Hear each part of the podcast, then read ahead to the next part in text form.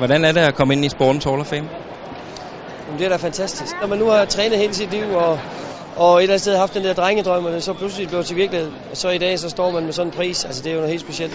Det øh, vidner måske om et eller andet for, forhold til alt det, jeg har arbejdet med, at det har været rigtigt. Så øh, jeg er enormt stolt. Hvordan er det at være sammen med så store personligheder i sådan en, en eksklusiv klub? Mange af dem har jeg jo sådan set op til, da jeg var knægt.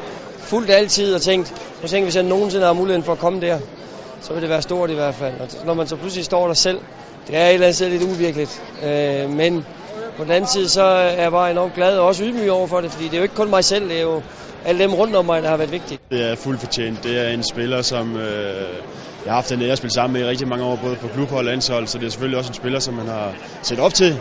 Øh, han har virkelig præsteret på det allerhøjeste niveau i rigtig, rigtig, rigtig mange år, ikke? og har også formået at gøre det på en rigtig god måde, synes jeg. Han har formået at være seriøs og stadig kan den der tilgang til sporten med, på en lejende måde og, og en glæde, og det synes jeg virkelig har været afsmittende.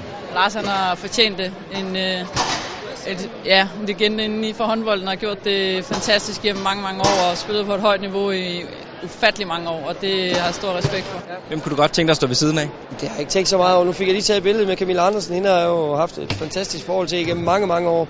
En kvindelig håndboldspiller, og øh, vi fik også taget et selfie med den, og vi synes jo, det er meget sjovt. Så det går meget sjovt, hvis jeg stod ved siden af hende. Det er virkelig stort, og jeg håber, at øh, om et år, når han bliver rykket fra første række ind i Idrættens Hus, at han skal ned og stå ved siden af mig, så kan vi varme hinanden lidt, når det bliver koldt. Ikke?